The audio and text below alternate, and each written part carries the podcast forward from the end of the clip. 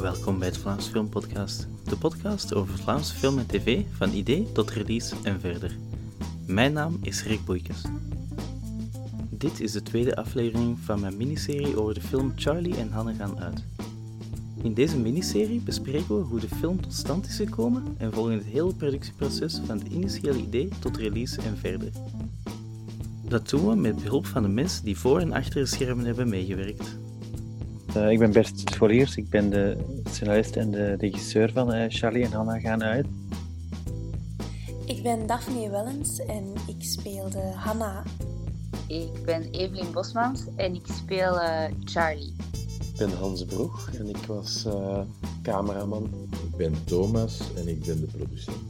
Let op, we zullen het hebben over de hele film, dus er zullen spoilers komen. Als je de film nog niet gezien hebt, kan je dat doen via streamingwebsites als Sooner of Streams. En ik kan hem zeker aanraden. Deze podcast wordt mogelijk gemaakt door de steun van luisteraars zoals jij. Je kan een bijdrage doen voor de prijs van een kop koffie via buymeacoffee.com slash Vlaamse Filmpot, of je kan de podcast aanraden aan vrienden of delen via social media. We zijn Vlaamse Filmpodcast op Facebook en Instagram en Vlaamse Filmpot op Twitter. In de vorige aflevering hadden we het over het schrijven en de casting van de film. In deze aflevering hebben we het over de draaiperiode en de postproductie. We staan ook even stil bij de verschillende personages. Voor de draaiperiode werd er tijd gemaakt voor repetities.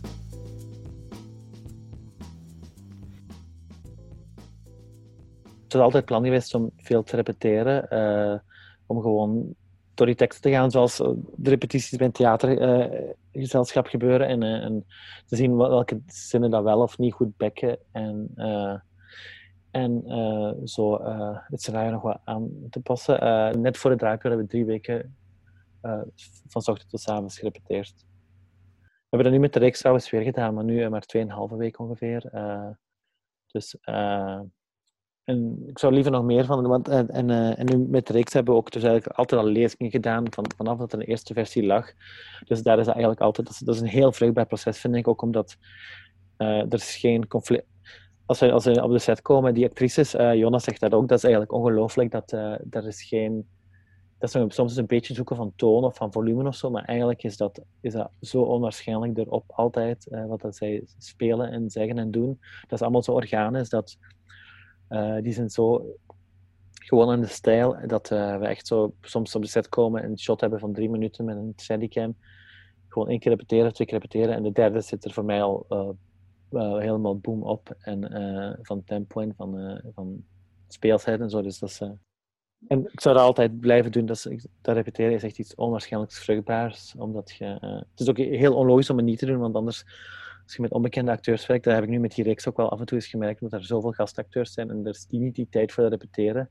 Op de set heb je ook niet de tijd om de juiste toon of intonatie voor zo'n personage te zoeken. En zelfs als je af en toe al een paar uur hebt gehad om met een acteur te zoeken, naar eh, wat ik nu langzaam zeg, of als ik het allemaal op een hele hyperactieve manier zeg, of uh, dan uh, heb je zo'n voorsprong en dan zit je ook al meteen juist op de set en dan moet je niet achteraf met nog gaan zoeken en, en uh, in de montage het probleem komen dat, dat, het niet toonvast is of zo, het spel. Dus uh, ja, dat is echt uh, een van de meest vruchtbare en waardevolle periodes van heel het, en een van de leukste ook van heel het productieproces is dat repeteren met de acteurs, ook omdat het ook gewoon in een, in een ruimte met die acteurs alleen, er is geen hele ploeg, er is geen stress, er is geen, geen druk. Het is gewoon koffietjes drinken en, uh, en dan tegen zes uur afronden met rasje met een glaasje wijn en, en dat is echt heel, heel leuk. En zijn dan ook alle acteurs er op dat moment bij? Of denk je ook van vandaag gaan we het enkel over deze ja, scène? Ja, het is, ja, het is, uh, in die, zo gebeurt het. Ja. Het is echt een, een planning per uh, de eerste dagen iedereen. En dan uh, is het gewoon, lezen gewoon alle scenario's door. En dan is het eigenlijk per scène of per, per sequenties. Of, ja. Wat heel fijn is, is dat het een beetje lijkt op theaterrepetities. Omdat je, daar is op een set nooit tijd voor om eigenlijk die personages heel goed te leren kennen, al voordat je begint te draaien. En om te bekijken hoe dan scène anders kan en hoe dat je scène binnenste buiten kunt keren en nog wat bezig te zijn met die teksten en zo. Dat is eigenlijk wel heel, heel nuttig en heel fijn werk als je dat met z'n allen kunt doen, dat alle neuzen wat in dezelfde richting staan. Maar uh, ja, dat verloopt ook wel wat chaotisch, omdat iedereen ideeën erover heeft en meningen. En ja, interessant. Is dat iets dat veel gebeurt uh, op andere films ook? Nee, ik heb dat nog nooit zo intensief meegemaakt. Nee. nee, zeker niet omdat er ook heel veel geïmproviseerd werd eigenlijk. Op de repetities, allee, de teksten van Bert waren heel goed, maar dan af en toe zei hij van oké, en, en probeer hier misschien nog eens, of wat dat jullie net gewoon zeiden als Evelien en Daphne, probeer dat er eens mee in te pakken. En, nee, ik heb nog nooit op die manier aan, uh, aan een film gewerkt eigenlijk. Was er daarna bij het draai dan ook uh, zoveel ruimte voor improvisatie? Minder, maar dat was ook niet nodig, omdat we dat eigenlijk daarvoor al helemaal geëxploreerd hadden. Uh, dus dat was, niet, dat was niet meer aan de orde, omdat we heel goed nu wisten als we gingen draaien van oké, okay, dit is hoe we het willen. En, um, Ah, dat was super. Ja, um, die verliepen goed, zoals repetities moeten verlopen. Namelijk in het begin van die repetitiedagen denk je echt, fuck, ik krijg dit nooit gespeeld en dit gaat niet lukken. En, en hoe krijg ik deze tekst ooit deftig, uh, interessant en geloofwaardig uitgesproken? Uh, en dan was het echt kwestie van samen te zoeken, te zoeken um, dingen. Bert filmde dan met zijn handicam al scènes en dan keken we daar samen naar van ah, het kan interessanter zijn als we het zo doen. Um, dingetjes zoeken van, van, uh, van uw personage, van hoe beweegt die. Uh, dat was super, super fijn en ook vrij uitzonderlijk dat je zo lang repeteert uh, voor het draaien. Om, omdat we echt wel zo echt à la theater, gewoon van tien uur s morgens tot vijf uur s avonds, een repetitieruimte hadden en echt aan de slag gingen met die scènes. Dat was superleuk. En dus dat is niet iets dat veel gebeurt? Nee. Nee, en ik, ik, ik weet vaak... Dat, dat is heel vaak wel een voornemen. We gaan echt repeteren. En, en vaak wordt dat dan toch geschrapt om, om budgettaire redenen.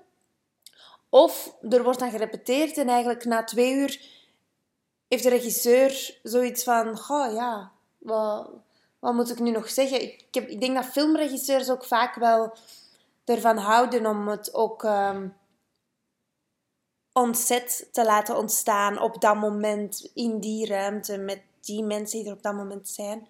Um, wat ik ook snap. Maar ik vind het ook heel leuk om op voorhand al heel veel uitgezocht te hebben, om dan achteraf op set from scratch te beginnen. Maar, maar er is dan wel bagage. Dus, uh, want er zijn natuurlijk op zo repetitiedagen, je zet dingen in elkaar, maar op de set gaat dat, verloopt dat toch weer anders. Maar dat is net het leuke, daar moet je het weer opnieuw heruitvinden. Maar ik geloof wel, door die repetities, dat, we, dat je verder geraakt, uh, omdat je al van alles ervoor hebt gespeeld, dan als je dat niet doet. Ja, het is ook zo dat Bert, dat is heel tof, die vindt het ook leuk om, om vroeg te casten. Zodat hij ook als hij in zijn schrijfproces nog bezig is, al gezichten heeft. Uh, en in ons geval nu, als hij voor ons schrijft, niet alleen gezichten, maar ook hele personen gewoon. Um, en met Charlie en Hannah is het ook zo geweest dat hij ons vrij snel al een, uh, een versie van het scenario heeft laten lezen. En dat ik wel een aantal keer uh, een nieuwe versie heb gekregen en dat we daar dan over samen zaten om, om dat te bespreken. Ja. Dus dat was kei tof, want dat was voor mij wel de eerste keer uh, dat ik zo vroeg betrokken werd, uh, ook inhoudelijk, bij een project. had je dan ook het gevoel dat je heel veel input had over het personage? Ja, ja Bert wou dat ook graag. Hè. Die, die, die, is een hele observerende man. Dus, dus blijkt ook als je daar dan een aantal dagen mee op café of avonden mee op café hebt gezeten, dat hij van alles over je gedragingen heeft opgeslagen. Dan zegt hij zo: Ja, maar jij doet altijd dat. Zo, huh? Ja, jij doet constant. Dat was toen blijkbaar een fase. Dat heeft hij dan ook in de film gestoken. Maar ik weet niet of dat er uiteindelijk nog in zit. Omdat ik heel vaak mijn lippenstift zo bijwerkte, maar zo gewoon in het midden van een gesprek. Zo dat soort dingetjes, dat haalde die dan uit ons en dat stak die dan in de film. Evenals verhalen. Ik weet dat bijvoorbeeld de opening van de film... Um, dan vertel ik iets over een man die mij hypnotiseerde op Rotterdam Centraal. Dat was ook echt een verhaal van mij. Dus op die manier zijn er wel dingen van ons ingeslopen. Die dan met de pen van Bert Scholiers natuurlijk ehm, nog grappiger en scherper worden gemaakt. De scenario's zijn vaak wel zo geschreven dat, dat er niet echt veel geïmproviseerd nog wordt, omdat we wel merken, ah, eigenlijk staat het goed of moeten we hier maar meer iets op een andere manier formuleren of zo. Maar vaak, het is meer wat er gebeurd is door, door, de, door zoveel samen te zitten, dat er plots iemand iets zegt of zo, dat dan plots twee scenario's later is een dialoog nog ertussen belandt of zo. Dus het is niet echt het improviseren van, we, gaan niet echt improviserend aan de slag met de scène zelf. Uh, het is meer een soort van uh, wegwerken van uh, dingen die niet goed bekken of die niet, die niet echt in de mond liggen bij hen. Of, soms hebben ze wel nog ideeën over een, iets, een zinnetje of een ding. Soms, soms zit ook goed te ruziën over dat een heel groot bezwaar tegen een bepaalde zin is. En, uh, en, ik voel dat niet, of ik voel dat wel en zij voelen dat niet. Dus dat is, dat is, dat is grappig. Soms gaat er ook. Uh... Wat hij dan ook probeert tijdens het draaien is dat het scenario exact gevolgd wordt. Ja, ja, ja, zeker. Ja. Dat merken we nu ook. Uh, dat, uh, we hebben nu ook veel geïmproviseerd met onze reeks regelmatig, zo nog stukjes aan zijn. Ik merk uiteindelijk altijd dat je terug naar het scenario gaat, omdat er uh, in het geval van de reeks is twee jaar geschreven uh, voltijd. Dus er is een soort van vormelijke gaafheid die er is, waardoor dat natuurlijk knip je nog regels weg en zo, maar blijft toch redelijk dicht in het scenario. Wat, wat opmerkelijk genoeg eigenlijk bij veel praatfilmmakers zo is. bijvoorbeeld Erik Romer ook, dat Romer sprak met zijn actrices, sprak met zijn actrices af, zat dan uren in een ruimte met een bandopnemer. En op die uitlating, al die dingen wat die actrices, vaak amateuractrices, uh, zeiden.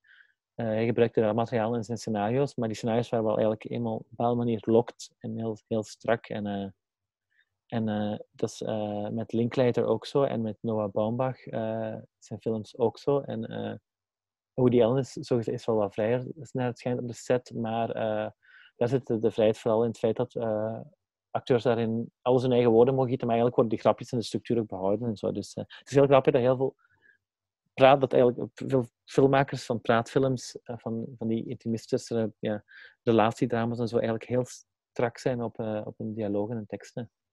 Bij, bij, bij, bij Bombach wordt bijvoorbeeld echt, las ik ergens in, Fransjes H, bijna niks meer veranderd op zich van het scenario. Dat is letterlijk woord voor woord in het scenario staan. En dan nog 50, 60 takes doen wel of zo, maar ja. Uh, ik herinner mij een, uh, een stukje van Frances die dan haar, uh, haar drinkgeluid nadoet. Ja, wat was dat? Dat is mijn drinkgeluid, dat is toch goed? Nee, dat is niet wat mijn drinkgeluid is. Melk! Dat leek mij een heel, heel geïmproviseerd stukje. Dat is geïmproviseerd, ja. ja. Dat hebben we gewoon even de camera laten draaien voor iets van een conversatie te hebben, twee, tien minuten lang. En die twee uh, het andere meisje dat naast zit, is eigenlijk de vierde beste vriendin van Evelien, Daphne en Fransjes. Dus we blijven altijd heel incestueus. Dus uh, die zit nu ook in onze reeks met een klein rolletje. Uh, dat is een schrijfster, Astrid Harens. Maar, dus ja, we hebben die gewoon in de zetel gezet, camera aangezet en maar we laten doen. en natuurlijk, als je, als je niet in zo'n commerciële context moet produceren, dan is het eigenlijk leuker om daar nog meer te doen, om toch nog die improvisatie, maar de, de realiteit laat het vaak helaas niet toe ik zou ook als filmmaker altijd liever hebben dat we met een veel klein... Ik draag, draai liefst met, zo'n klein mogelijke ploeg mogelijk, uh, mogelijk is. De ploeg zelf vindt dat vaak niet zo leuk, omdat het voor iedereen hard te werken is. Maar uh, uh, ik, zou in de toekomst zeker gaan naar een, een, meer, een manier van regisseren waarbij de ploeg kleiner is en er meer draaidagen is, dat er meer kan, nog meer geëxperimenteerd en gedraaid kan worden, versus uh, een meer geoliede machine die op kortere periode is, waarbij je eigenlijk niet zoveel kunt uh, aanmodderen op de set. En ik vind de aanmodderen eigenlijk heel leuk om, om uh, de camera te kunnen oppakken. En zeggen, nu gaan we gewoon aan de andere kant van de ruimte staan, zien wat dat geeft. En, uh, en dat is bijvoorbeeld met een directie die we nu maakte, daar is dat heel moeilijk om zoiets te doen, omdat dat gewoon het, het, geld en de, de productionele deadline dat niet toelaat. Maar, Kunnen we eventjes over de, de belangrijkste personages gaan? Dus bijvoorbeeld Charlie? Ja, ik, had, ik zag altijd met een blondine versus brunette uh, splitsing eh, in mijn hoofd. Het is altijd zo geweest. Dus uh, Daphne is de eerste die gecast werd, waar Rachali daar tegen af, zou steken als, als een blondine. En, en dat is altijd een bepaald profiel geweest. Dus we hebben audities gedaan. En er is ook een Nederlandse actrice, Julia Akkermans, waar ik toen aan dacht. die was helaas ziek op de auditie zelf. En daarna Gaite Jansen en daarna Evelien Bosmans. Dat, was eigenlijk altijd een soort van type wat ik in het hoofd had, dat eigenlijk een, uh, ja, bepaald fysiek uh, type al wat gaat en meer een brunette is of zo. En dan, dus dat het is allereerst een esthetisch ding. Uh, Zo'n soort, ja, verwijzen, zoals ik al zei, het verwijzen naar een bepaald soort filmpersonage, gelijk Daphne met haar krullen en zo, voelde echt als een, als een een wat losgeslagen Diana Keaton-achtige figuur. Die echt, eh, die, die Daphne, Daphne wel zo perfect een husband's wife van Woody Allen zo gezeten hebben of zo. Dus ik was, uh, dit, me vaak denken aan Judy Davis of, of ook aan een, uh, aan een, een Catherine Hepburn op ADHD. En, dus dat is heel belangrijk geweest in de, de vibe van die actrices. Hanna is extreem onrustig. En ik denk dat ze misschien zelf nog niet door had dat ze zo onrustig was. Ik denk als je haar denk als je aan mijn personage toen had gevraagd van wat wil je dat dat niet zou geweest zijn? Rust. Dat was zo extreem all over the place in haar hoofd dat, dat ze zelf dan niet besefte dat dat aan de hand was.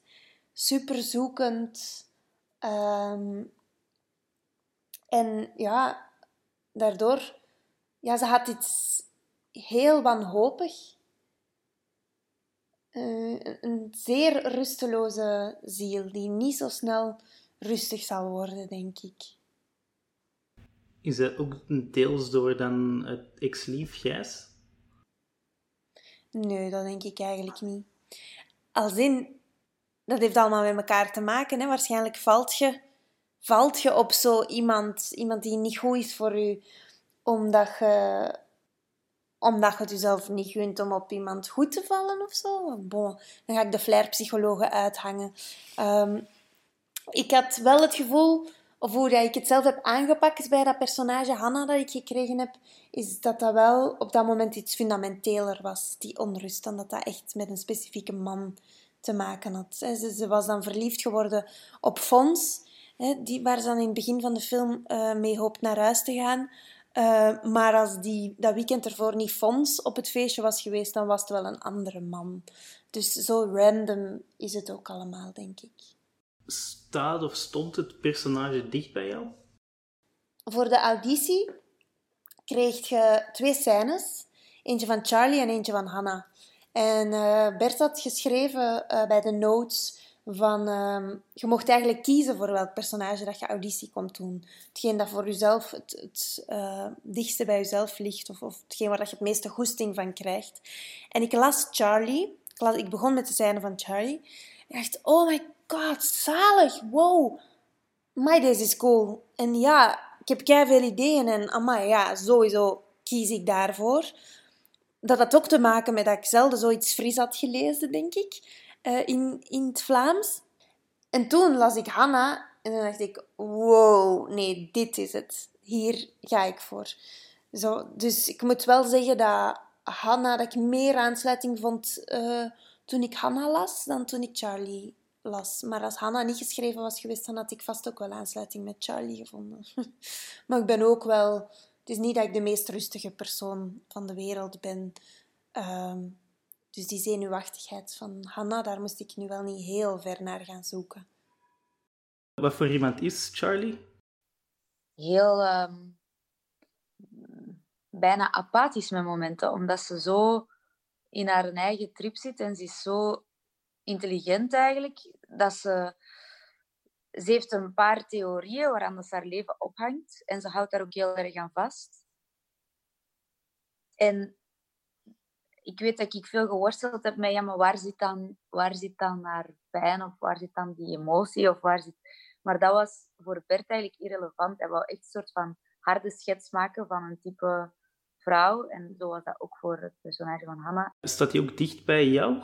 Nee, ik denk dat dat wel is waar ik zoveel mee gevochten heb. Omdat ik denk dat, ik denk dat hij echt het omgekeerde bijna is van hoe dat ik ben. Zij is echt een soort van... Um, zij is heel hoofdelijk zit heel erg in haar hoofd met allemaal theorieën en, en levenswijsheden. En soms zeer uh, pseudo, bijna, ja, um, ja, Op een gegeven moment dat ze houdt van harde, harde break-ups of zo. Dat ze zegt zo, ja, ik hou echt van breekpunten in je leven, dat je zo echt iets stopt en dan gewoon met iets volledig nieuw kunt beginnen. Dat was nu wel iets waar ik mezelf heel erg uh, in herkende, in die theorie dan bijvoorbeeld omdat ik dat zelf ook toepas. Maar dan niet zo bewust als, als uh, Charlie. Bij Charlie is alles heel erg bedacht en wel overwogen. En hoe bereid je erop voor, op zo'n personage? Ik denk dat die repetities daar al het grootste deel van het werk hebben gedaan. Dat we daar ook echt hebben gezocht. Bijvoorbeeld voor mij was het heel moeilijk om heel weinig te lachen. Charlie lacht heel weinig. Is zo stoer. Het is een beetje ook de griet dat je zo uh, wilt zijn, denk ik zo een hele heeft over alles een mening. Niks lijkt haar echt te deren. Dus daar hebben we heel hard naar gezocht op die, op die. Ik kijk helemaal niet graag met acteurs. Ik vind, ik vind mannelijke personages heel interessant en zo. Dus daarmee dat ik praat. Ik vind dat veel fascinerende vrouwen. En ik, wil eigenlijk alleen maar over vrouwen schrijven. Uh, maar uh, het, is, uh, het is een beetje een wisselwerking dat Charlie Hanne is een van de weinige keren geweest dat eigenlijk personages waren zonder actrices. Dus daar voelde ik soms ook wel een beetje een conflict tussen, uh, tussen die acteurs en die personages. Maar uh, vanaf nu tot in de toekomst wil ik eigenlijk alleen maar dingen schrijven, echt op basis van de aard en de, talent en de poëzie van bepaalde actrices en die zo omzetten in, in, in personages. Francis uh, speelt Marie. Is die, is die rol ook heel... Uh, was die rol al heel gedefinieerd? Uh, nee, ik denk, ik denk, dat die nog wel echt op Francis geschreven is, omwille van Francis haar vibe en haar ongelooflijke vermogen om one-liners uit te braken op volledig authentieke wijze. Dat is, het heeft er onwaarschijnlijk talent voor. En het is bijvoorbeeld... nee, er zijn nog heel veel dingen toen geschreven dat ik dacht van, allee, dit kan alleen Francis zeggen. En nu dus in die reeks die we nu gemaakt hebben, daar is, die hele reeks is gewoon op voor Francis geschreven, omdat Francis zo goed is. In, uh, in Charlie Hannes zit een stukje in de camera dat ze vertelt over die, uh, die problematische uh, date van Daphne. En dat doet Francis zo goed. Dat, dat, dat, dat, is eigenlijk het ontstaan geweest van de reeks die we nu gemaakt hebben. Van dat soort, die toon en dat soort speelsheid dat zij uitstraalt. En droogheid. En, dus dat, ik denk dat... Ik herinner me niet meer zo heel goed, maar ik denk dat ik bij, zeker bij Francis inderdaad meer uh, dat dat personage meer uh, echt op basis van haar dan verder geschreven was. Ja. Dat personage is ook groter geworden in de film. Ik vond het heel jammer dat er voor Francis gewoon, er waren maar twee rollen en dat er geen grotere rol was. Dus daarmee dus nu dat we met de reeks dat goed gemaakt hebben, dat waar eigenlijk het hoofdpersonage speelt en de twee anderen iets klein, een uh, kleiner aandeel hebben dan... nu de volgende keer moeten ze alle drie een even groot aandeel hebben, anders ga ik veel slaag krijgen, denk ik. Wat voor persoon zocht je voor Fons? Dat was ook uh, veel vager. Ik, ik ben echt een hele slechte schrijver voor mannen, personages. Dus ik wil eigenlijk gewoon altijd alleen maar Hugh Grant of Woody Allen. Eigenlijk uh, zou ik alleen maar willen. Maar die zijn natuurlijk allebei veel te oud aan het worden. Maar dat is eigenlijk zo... Als ik mannelijke personages klinken in mijn hoofd als Woody Allen of als Hugh Grant. Ik hou eigenlijk stiekem heel veel van die Richard Curtis, Hugh Grant samenwerking. Ik vind, eigenlijk, ik vind dat iets heel... Uh, iets, ik vind dat heel geestig en heel goed gedaan. Dus uh, ja, we hebben gewoon castings gedaan en uh, teksten gegeven. De persoon waarbij het basic... Ik vind het heel belangrijk om goed met een acteur te klikken. Dat is ook iets dat... Uh, ik zou niet nooit... Ik zou met iedereen goed te klikken. Ik werk liever met mensen die, waar ik gewoon heel... Ik vind het heel belangrijk, even belangrijk als het een talent is, is, is, dat ik er heel goed mee kan opschieten. En dat er geen ego en conflicten zijn en zo. En, en dat... En dat, bij Patrick hadden we, Patrick Vervuur hadden meteen een hele goede vibe. Uh, is een ongelooflijk uh, goed acteur. En ook iemand die een beetje ondergebruikt is, onterecht, die eigenlijk veel meer zou moeten opduiken in, uh, in, in fictie. hij maakt vooral theater. En hij, hij, was gewoon heel goed met die tekst ook en zo, vond ik. En het is eigenlijk hetzelfde verhaal. Patrick speelt nu ook mee in onze reeks, dus het is eigenlijk altijd het is hetzelfde ja, het, het, blijft incestueus bedoeling de hele tijd, al die projecten. Dat is, Fons is een, uh, een schrijver. Uh, dan lijkt het een, een snel loopje om te vragen dat Fons heel veel op jou trekt? Nee, nee, helemaal niet. Behalve dat ik ook Lego heb, uh, heel veel Lego heb. Maar voor de rest, dat is meer een soort persona, meer een soort Woody Allen slash Hugh Grant-achtige mix in mijn hoofd dat eigenlijk Fons is. En, en ik, in, veel mensen vinden dat veel, maar ik vind het eigenlijk ook altijd leuker om te schrijven in het heden over mensen uit onze directe leefwereld, in plaats van ze, mensen hebben, producenten hebben er vaak schrik van ah, dat het incestueus is als je over acteurs schrijft, over uh, creatieve mensen. Maar ik zeg altijd, ja, iemand die echt niemand kan volgen, hoe dat bijvoorbeeld bankwezen in elkaar zit, of wat politie allemaal tegen elkaar zegt in bepaalde... Of, dat, dat blijft altijd sowieso iets abstract. Dus eigenlijk maakt het niet uit welke, welke, uit welke leefwereld een personage is. Maar ik vind dat specifiek heel leuk, omdat ik denk dat ik gerust elke film in mijn leven zou kunnen schrijven over een actrice uh, als personage. Ik zou heel leuk vinden, ja. Dan is er Vincent. Vincent, als ik, dat is Steven de Botte, Nederlands, act Nederlands acteur. Allee, dat is ook nog een belangrijk aspect tijdens de casting. Hebben we Grens blind gecast. Dus vanaf begin af aan, ook met de, de Nederlandse actrice Gaite Janssens. Um, voor mij kon het perfect. en, en, het maakt niet uit wie of wat eigenlijk. gewoon uh, we hebben meteen gezegd van we gaan ook alle Nederlandse acteurs uitproberen. Ik vond het een heel leuk idee om Vlaams versus Nederlandse hoofdrol te hebben. En, en dat is daar een beetje een, een, een stand van. uiteindelijk zijn dan toch twee Vlaamse hoofdrolspeelsters geworden. Maar dan, we hebben wel gecast, nog, alsnog in Nederland, via Kemna casting. Toen heette dat nog Kemna casting. En dus we hebben heel veel Nederlandse acteurs gecast in Amsterdam voor die rol ook heel veel Vlaamse acteurs hier in, uh, voor beide rollen, voor Fons en voor Vincent. En hebben het eigenlijk, ik ben heel enthousiast over, over uh, de Botti is heel creatief en heel, uh, een heel leuke man. En vandaar, ja, dus dat is, dat was ook een klasgenoot van. Is, oh, nee, is dat een jaar boven? Ik weet niet meer. Is dat een jaar boven Daphne of was een klasgenoot van Daphne ook? Bijna iedereen onze reeks, behalve Frantjes, komt ook van de toneelacademie Maastricht. in de film, dus dat is ook een pool van uh, heel uh, goede acteurs, heel veel talenten toen. En nu in de reeks eigenlijk weer hetzelfde. Ja, weer. Nogmaals, heel oncreatief eigenlijk allemaal. Ik blijf lekker bekende water, omdat dat zo aangenaam is en zoveel moois oplevert. Jullie begonnen te draaien in maart 2016. Hoeveel draaidagen hadden jullie ongeveer? Weinig, ik denk 20.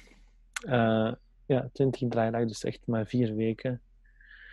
En, uh, en dan hebben we nog wat special effects shots gedaan. Uh, vooral ik en de cameraman met, zoals ik al zei, glazen kommen en melk en zo hebben we zo'n paar dagen. En ook met het decorteam, dat de maquette shots en zo, dat is allemaal apart gedaan natuurlijk. Hè. Met heel kleine ploeg en met echt veel zoeken en knutselen. En... De film speelt zich vooral af s'nachts. Betekent dat ook gewoon uh, vier weken nacht? Ja, ja, dat was vier weken nachtshoot, ja dat was een hele rare vibe om in te zijn, maar dat was eigenlijk ook wel heel leuk. Dat was echt volledig omgekeerd leven voor de hele ploeg. Ik herinner me wel nog dat ik echt moe was en dat ik ook heel kou had, want ik had er van tevoren ook niet over nagedacht, maar eigenlijk had ik super weinig aan. Het was de hele tijd buiten, s'nachts. Dat was kou en laat. Maar dat gaf ook wel iets, natuurlijk. Je komt, omdat wij een maand bijna enkel s'nachts leefden, kom je wel in een andere manier van zijn terecht. Ja. Ik ben daar volledig voor gegaan in die zin dat ik... Hoe lang hebben wij gedraaid? Een maand of zo, denk ik. Ik ben gewoon s'nachts beginnen leven. Dus ik vond dat eigenlijk heel gezellig. Ik heb daar niet echt last van gehad. Ik ben ook niet zo'n uitgaander, omdat ik vanaf dat zo stilvalt op een feestje of zo, dan denk ik aan mijn bed. Dan maak ik de vergelijking en denk ik, ja, het is fijner in mijn bed. Dus ik ga nooit tot laat uit. Maar toen ben ik super veel uitgegaan, omdat ik gewoon s'nachts leefde. Dus, dat was, dus op een feestje had ik zoiets van, ah, ik moet niet naar huis, want ik ga toch pas om 6, 7 uur slapen. Dus ik vond het eigenlijk heel tof om zo'n keer uh, een heel maand of een maand en een half s'nachts te leven. Hoe ben jij als uh, regisseur? Je had ook gezegd dat het al, al een lange tijd geleden was dat je nog effectief op een set had gestaan. Hoe voelde dat? Uh, het is moeilijk om uh, over jezelf te zeggen. Charlie Hanna was, niet, was een beetje een moeilijke bevalling omwille van toch wel stress en onzekerheid. Uh, en dat is ook een leerproces, regisseren. En, en ik heb nu pas met, die, met, uh, met, die, met de reeks eigenlijk die vier maanden eigenlijk wel echt de, de goede, het goede eerste regiebad gekregen. Charlie Hanna was eigenlijk... Uh, ja, soms het is... Uh, ik ben helemaal niet technisch geschoold in regie of zo, dus wat betreft zo met ik, acteursregie of zo, ik, ik kan bijvoorbeeld geen, geen acteur die ernaast of een, geen goede acteur goed krijgen, want ik ben daar te lui voor. Ik krijg dat niet gedaan. Ik wil gewoon dat die acteur die tekst allemaal zegt zoals ik het wil. En ik heb geen goesting om daar aan te uren en met trucjes en allemaal zo'n mentale dingen aan te werken of zo. Dus op dat vlak ben ik wel uh, uh, heel lui en zo. Maar wat ik wel heel belangrijk vind is dat, ondanks het feit dat acteurs zo belangrijk zijn, dat ook het visuele aspect, dat eigenlijk het leukste vind ik om op de set te komen en de camera te zetten en naar de best mogelijke plek voor de kern op zoek te gaan en ook te zien hoe, lang, hoe je zo lang mogelijk in dat shot kunt blijven met de acteurs die eigenlijk met het kader werken en met een wisselwerking tussen de camera beweegt en de acteurs die bewegen en staging en zo.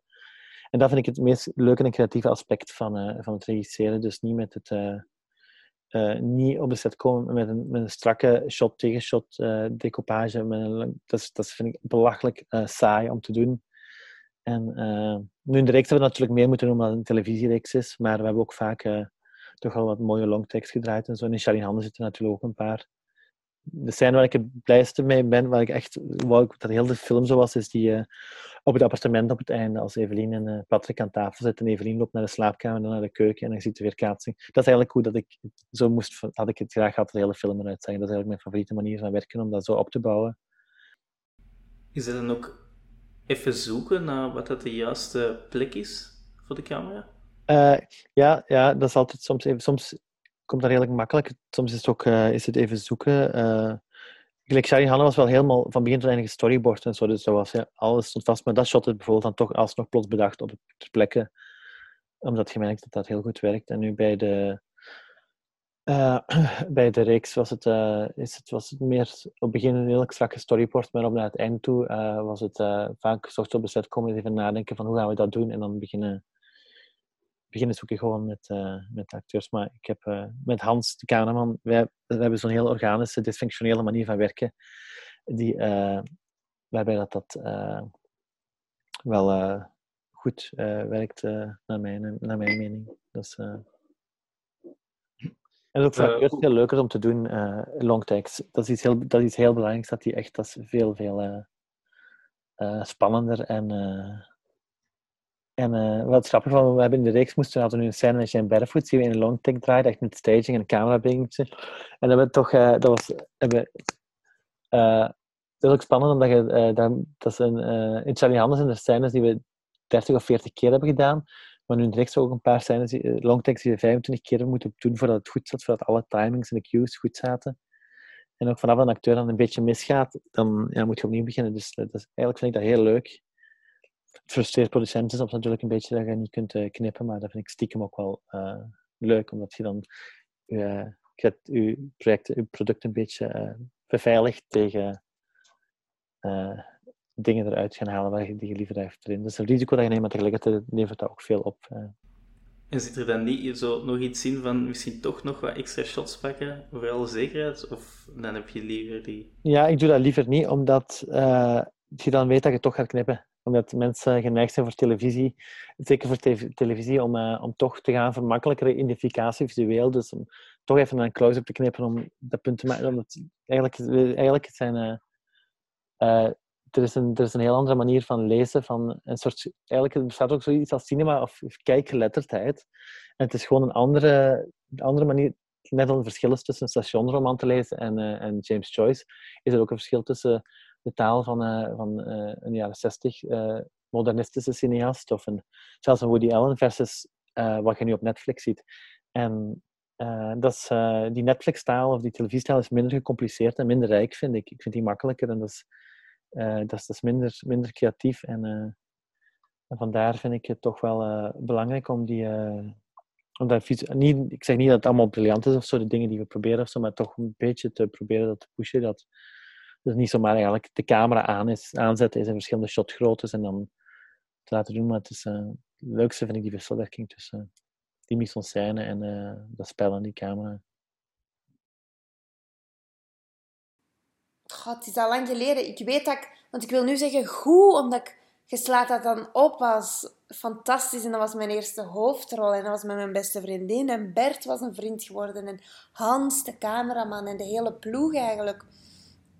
Ehm, maar het was, ook wel, het was ook wel moeilijk. Want zowel ik als Bert waren dan... Dat was ons debuut, laten we zeggen. Ehm, dus uh, wij hebben ook wel veel gevochten en gediscussieerd. Bert en ik dan vooral. Uh, dus dat was soms ook wel moeilijk. Maar ik weet wel dat ik elke dag dacht: dit wil ik nog heel veel in mijn leven doen. Want ik ben liever. Ik was zo begaan met het project dat ik dat ervoor over heb om dan af en toe met mijn handen in het haar te zitten. In plaats van iets, een project te doen waar je eigenlijk van denkt: oh ja, dat verhaal. Het is niet echt mijn verhaal, het boeit me niet helemaal, ik moet het gewoon gespeeld krijgen.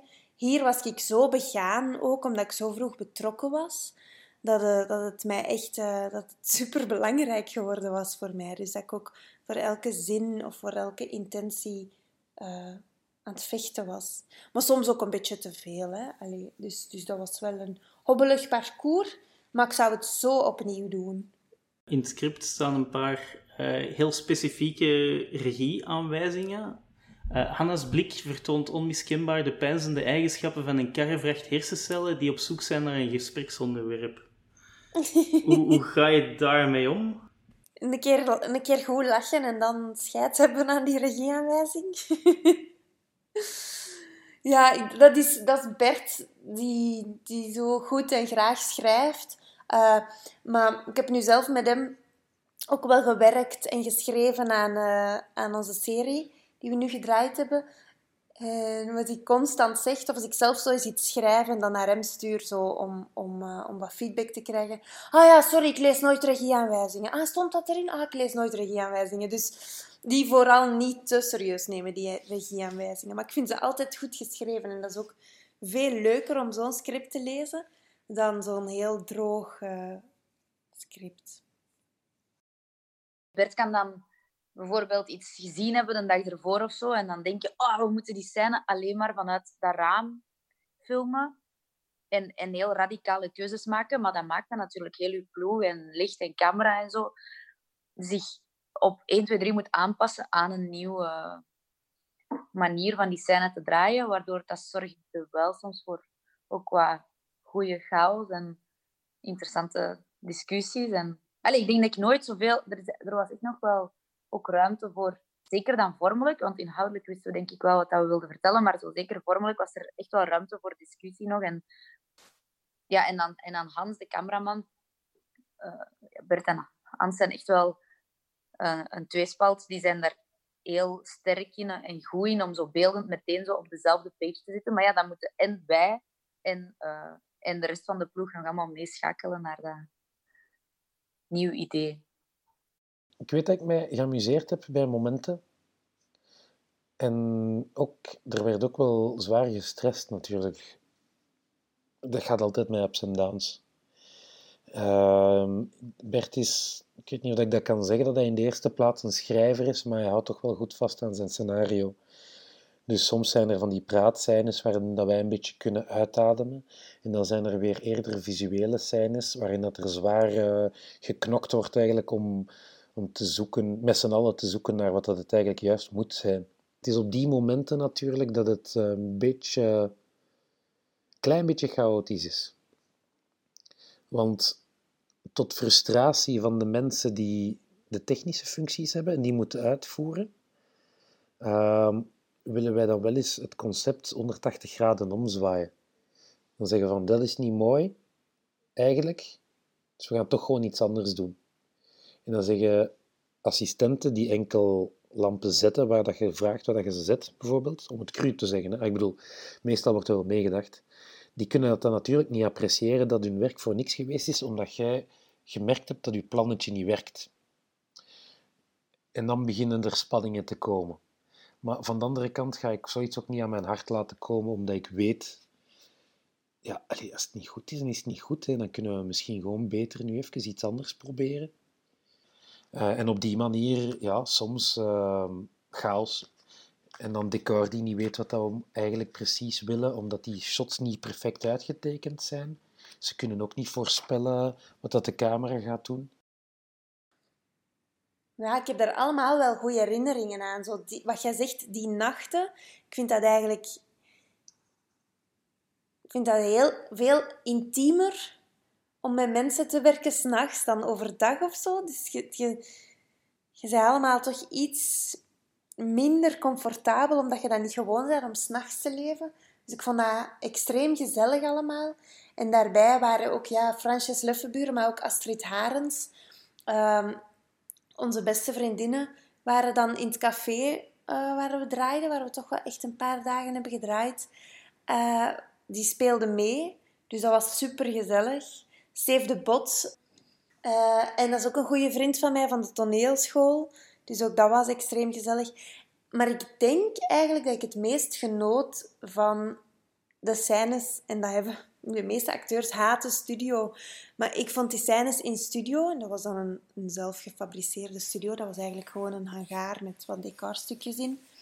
Um, maar dus die scènes, en dat zijn dan de scènes zogezegd in het heelal en op de ijsbeer en zo, dat vond ik het leukst. Ik vind dat een hele heldere concentratie in zo'n studio. Uh, en ook daar was het weer heel gezellig. Ja, het is gek, want zo, enerzijds ben ik wel... Ik ben niet zo'n... Ik wou dat ik iets makkelijker kon chillen op set. Zo tussendoor, omdat je vaak moet wachten en zo. Zo, ha, ha, lekker hangen. Maar ik ben altijd wel... Ik heb toch altijd een zekere zenuwachtigheid op zo'n draaidag. Maar toch is er ook een soort herinnering van een gezelligheid. Uh, dat is grappig dat die twee naast elkaar staan. Ik weet niet heel goed hoe dat ik die verenigd krijg, maar die beide dingen zijn wel aanwezig voor mij. Nico Leunen dit, uh, heeft supervisie van de montage gedaan en zijn uh, Thomas Porters is eigenlijk de monteur van de film. Nico Leunen, die altijd met Thomas samenwerkt, heeft een beetje wat gefeedbackt. En die uh, beslist al heel snel dat de scènes meer door elkaar gegooid zouden worden. Dat we meer zouden afwisselen tussen de twee vrouwen. In het oorspronkelijke scenario hadden we, plot, hadden we momenten dat we twintig minuten bij Evelien zaten en dan naar Daphne gingen. En ik vond dat dat op een manier ook wel heel interessant werkte, omdat je dan zo in die, in die bordeelsequentie was bijvoorbeeld een hele lange praatsequentie van een kwartier echt in het midden van de film. En ik vond dat dat heel goed werkte, omdat je daar zo in bleef. Maar blijkbaar voor sommige kijkers was dat toch iets te heftig om zo lang stil, uh, daar te zitten. En, dus, uh, en dan zijn we ook op zoek, door de afwisselen zijn we op zoek gegaan naar visuele overgangen tussen die twee, die twee meisjes. Ik weet niet of dat je het wel opgemerkt hebt. Dus bijna nee. elke overgang tussen van scène en scène is op een andere manier gedaan. Met een, een overvlooier of plots een jump cut. Of, uh... Dat is ook iets dat je pas in postproductie dan hebt moeten zoeken? Ja. dat is in montage gebeurt ook. Uh, we hebben ook ik veel meer geëxperimenteerd met andere kleurenstukken in de, in de, in de, in de aflevering. Ook met, met, met ook stille getinte filters die over scène zaten. Dus we hebben eigenlijk, we hebben ook dankzij Mindsmeet en de, de productieomstandigheden, dat daar, de filosofie is daar ook van, film is pas af wanneer die af is, dus we zijn helemaal niet bezig met een release datum en zo. En ook het feit dat we het een beetje met een bric-à-brac manier was van, van afwerken, waardoor we heel veel konden experimenteren en echt heel veel uh, gezocht hebben en, en, allemaal trucjes gedaan hebben die, uh, die sommige zijn erin blijven zitten. Want Nico Leunen zag dan bijvoorbeeld zo plots waar we beginnen jumpcut en die vond dat fantastisch met een beetje jazz en zei van doen, dan meer doen en zo. En dat soort, dat is een heel leuk proces geweest om dat uit te zoeken en om die, die energie daar zo in te krijgen.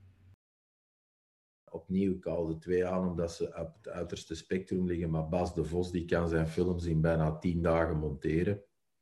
Die, die monteert op het vliegtuig dat hem terugkomt gevlogen van een opname om hem drie dagen later in Kant te gaan presenteren. Uh, Caroline Strubbe neemt nog meer tijd. Guust heeft ook veel tijd gekost. De dingen, de dingen zijn wat ze zijn. Er, soms, is, soms vinden direct de, de sleutel en soms is het zoeken naar bepaalde dingen om dat goed te krijgen.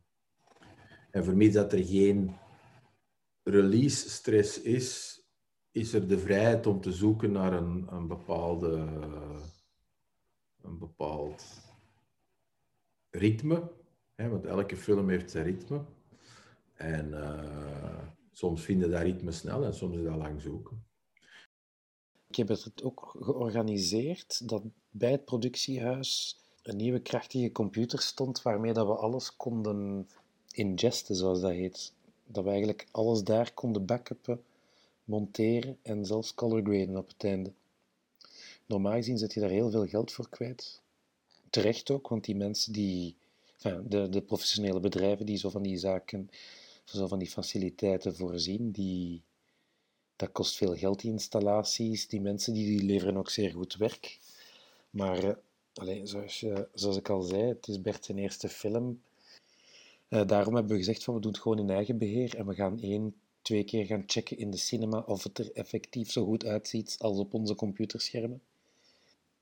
Bertie was het ook nog niet eens gewend om, om te zien wat je kan doen in postproductie, in montage, in, in color grading enzovoorts. Dus hij apprecieert net zeer hard dat dat proces traag verliep, zodanig dat hij kon leren terwijl, we, uh, terwijl dat we eraan aan het werken waren. Wij hadden toen een, een apart lokaal waar het er kon gemonteerd worden en dan kun je veel rapper eens binnenspringen, kijken, je mening geven. Uh, dus ik vond dat niet slecht. Ja, ik vond dat wel interessant. Het heeft lang geduurd in, in, de, in de afwerking, in de special effects die allemaal moesten gebeuren. En ook daar is er heel artisanaal te werk gegaan. Hè. Op een moment waren we in de kantoren bezig met een schaal water, waar we alle mogelijke vloeistoffen in aan het gieten waren om die achtergronden te creëren. Ja, dat zijn... Dat, is, grappig, dat is plezant, maar dat was gewoon inderdaad bij ons in het kantoor. Dat was niet ergens in een studio. Zo, dat dat geld hadden we niet en dan trekt uw plan wel. Hè? Het is een praatfilm. Als ik het scenario naast de film leg, dan zie ik heel veel dat er gewoon heel veel gepraat is weggesmeed. Is dat gewoon om, om uh, dat beter is voor het ritme? Of, uh... Inderdaad, dat heeft uh, daar dan mee te maken, ja. Is dat ook iets dat je weet als je aan het schrijven bent? Van ik moet er meer insteken, zodat er genoeg weg kan? Ja, dat, dat wel. Ja, dat, dat we nu ook met, met de reeks die we nu gemaakt hebben, ook inderdaad, dat is handig om... Uh, soms zijn er toch zinnetjes die niet goed werken of, of uh, vertraagt er, of is net dat één grapje te veel. En soms is het ook door de muzikale momenten ervoor of zo dat meer of minder gepraat toelaat. Dus het is wel handig om daar nog een beetje te kunnen uh, ingrijpen. Doet het dan ook pijn om, om dat weg te moeten knippen? Nee, nee, ik vind, nee, ik vind dat nooit... het is altijd leuker als het, als het goed loopt. dus dat is altijd ik merk nu zitten we elke dag te monteren bijna, dus elke dag zitten we vaak van bij de leukste grapjes, briljant gezegd door Frantjes of zo, eruit te knippen, gewoon omwille van het ritme. Maar dat is een beetje de aard van het beestje. Maar ik schrijf daar zoveel mogelijk grapjes altijd graag in scenario's. En zoveel mogelijk toffe zinnen dat uh, als er, een, uh, een, er 30 of 40 procent uitgeknipt wordt, dat er nog altijd heel veel in zit. Dat is een beetje het uh, trucje er was een veel vager idee van de muziek. En die klassieke muziek is er gewoon plots opgekomen. En dat werkte zo goed. En dan kwam plots een monteur met een Strauss-wals af, die godzijdank konden kopen, uh, die betaalbaar was. En dat creëerde ook plots een sfeer aan de film dat eigenlijk niet voorzien was in het script. En, uh, en, en dat, dat bracht ook zo gelijk dat feestje met die Haydn-muziek. Dat werkt zo ongelooflijk leuk, want dat zo niet bij elkaar past volgens de verwachtingen van een feestje. En, het grappige is dat we er nu weer met reeks aan het doen zijn. Uh, daar sluipt ook meer en meer klassieke muziek plots in. omdat dat zo tof werkt met hedendaagse perikelen van personages nu. Is dat ook veel, veel proberen? Was er een versie waar je ook gewoon meer hedendaagse muziek Ja, er, stond, er was gewoon een de eerste rough cut, dat gewoon de muziek die op het feestje gedraaid werd, door, want we hebben allemaal het geluid afgehaald, er was echt muziek aan het spelen. Maar dan, uh, ik weet niet meer precies uh, hoe dat, in welke fase dat die klassieke muziek, klassieke muziek zo uh, radicaal erin is gekomen, maar ik weet wel dat ik echt door heel, ik ging gewoon door heel uiver van Haydn en en uh, Bach en, uh, en zo. En gewoon echt nummer na nummer om te kijken wat, wat, wat, wat er tof was. En, plots, en dan uitproberen op die beelden. Ja. En dan nog andere muziek wordt geschreven door Christian Wiegel. Ja, je zult op EMDB wel gezien hebben. Hij heeft heel veel ongelooflijke hoeveelheid, ongelooflijke track records van, uh, van films. allemaal grote Nederlandse films. Ook hier Jan Verheyen. En... Maar hij heeft dus mooi verliefd gedaan beide versies. En van daar ken ik hem van op première. En dat, dat klikte heel goed. En hij, is een van mijn beste vrienden geworden ook. Uh, Hij is een 65-jarige man, ik ben uh, 36, dat is een heel grappig leeftijdsverschil. Maar we, gaan zelfs samen elk jaar naar, naar Italië en zo. En, en met mijn vrienden en zo. Chris Namme is, dat is een fantastische mens. En, dus, en, en het was heel grappig omdat hij vooral commerciële films doet. Dus hij heeft voor deze film heel veel jazzcomposities uh, bedacht en de muziek in bordeel en die piano dingen. En ja, hij heeft dat zo goed gedaan. En uh, hij is ja, gewoon uh, er heel veel geluk mee gehad. En uh, Chris gaat nu ook heel muziek voor de reeks op zich nemen. Maar hij, had ook Connie, heeft ook Connie Clyde gedaan voor de Caviar en zo, dus wel connecties met het productiehuis. Als ik mij niet vergis, heeft hij ook sommige muziek gespeeld? ja, uh, alhoewel dat ik denk vooral dat zijn degene met Jelle met wie dat hij samenwerkt vooral heel veel ook de veel meeste piano gespeeld. Dus Kesnanne is meer het bedenken van de thema's en zo. de jazzmelodieën en zo zijn door een echte jazzband ingespeeld, maar dat met, met hen in de studio en op hun, op hun aanwijzingen. De opening track noemt Zalibev, Ode to the Fantastic Four. Zalibev is iets dat Daphne, Evelien en altijd zeggen. En vooral Frantjes. En uh, Ode to Fantastic Four is dus, uh, eigenlijk een, ode aan de, drie, aan de vier vriendinnen. Uh, en uh, Zalibef zit ook de hele tijd in de reeks die we nu geschreven hebben trouwens, dus het blijft altijd uh, doorzetter. Het is een beetje... Zalibef betekent eigenlijk gewoon zalig, maar die Bef is iemand, heeft, dat is gewoon een verbaal misverstand geweest en sindsdien zijn die meisjes uh, Zalibef blijven zeggen. Dus als ik naar Fransjes of Evelien of Daphne iets stuur, dan krijg ik meestal een St. Justin, komt er een Zalibef terug. Wij zijn om op...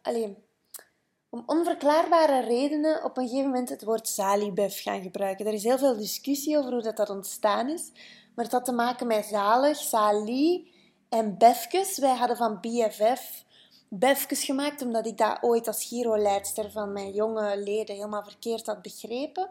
En dan is er het samenvoegsel salibef ontstaan, uh, gewoon uh, een uh, surrogaat voor zalig is.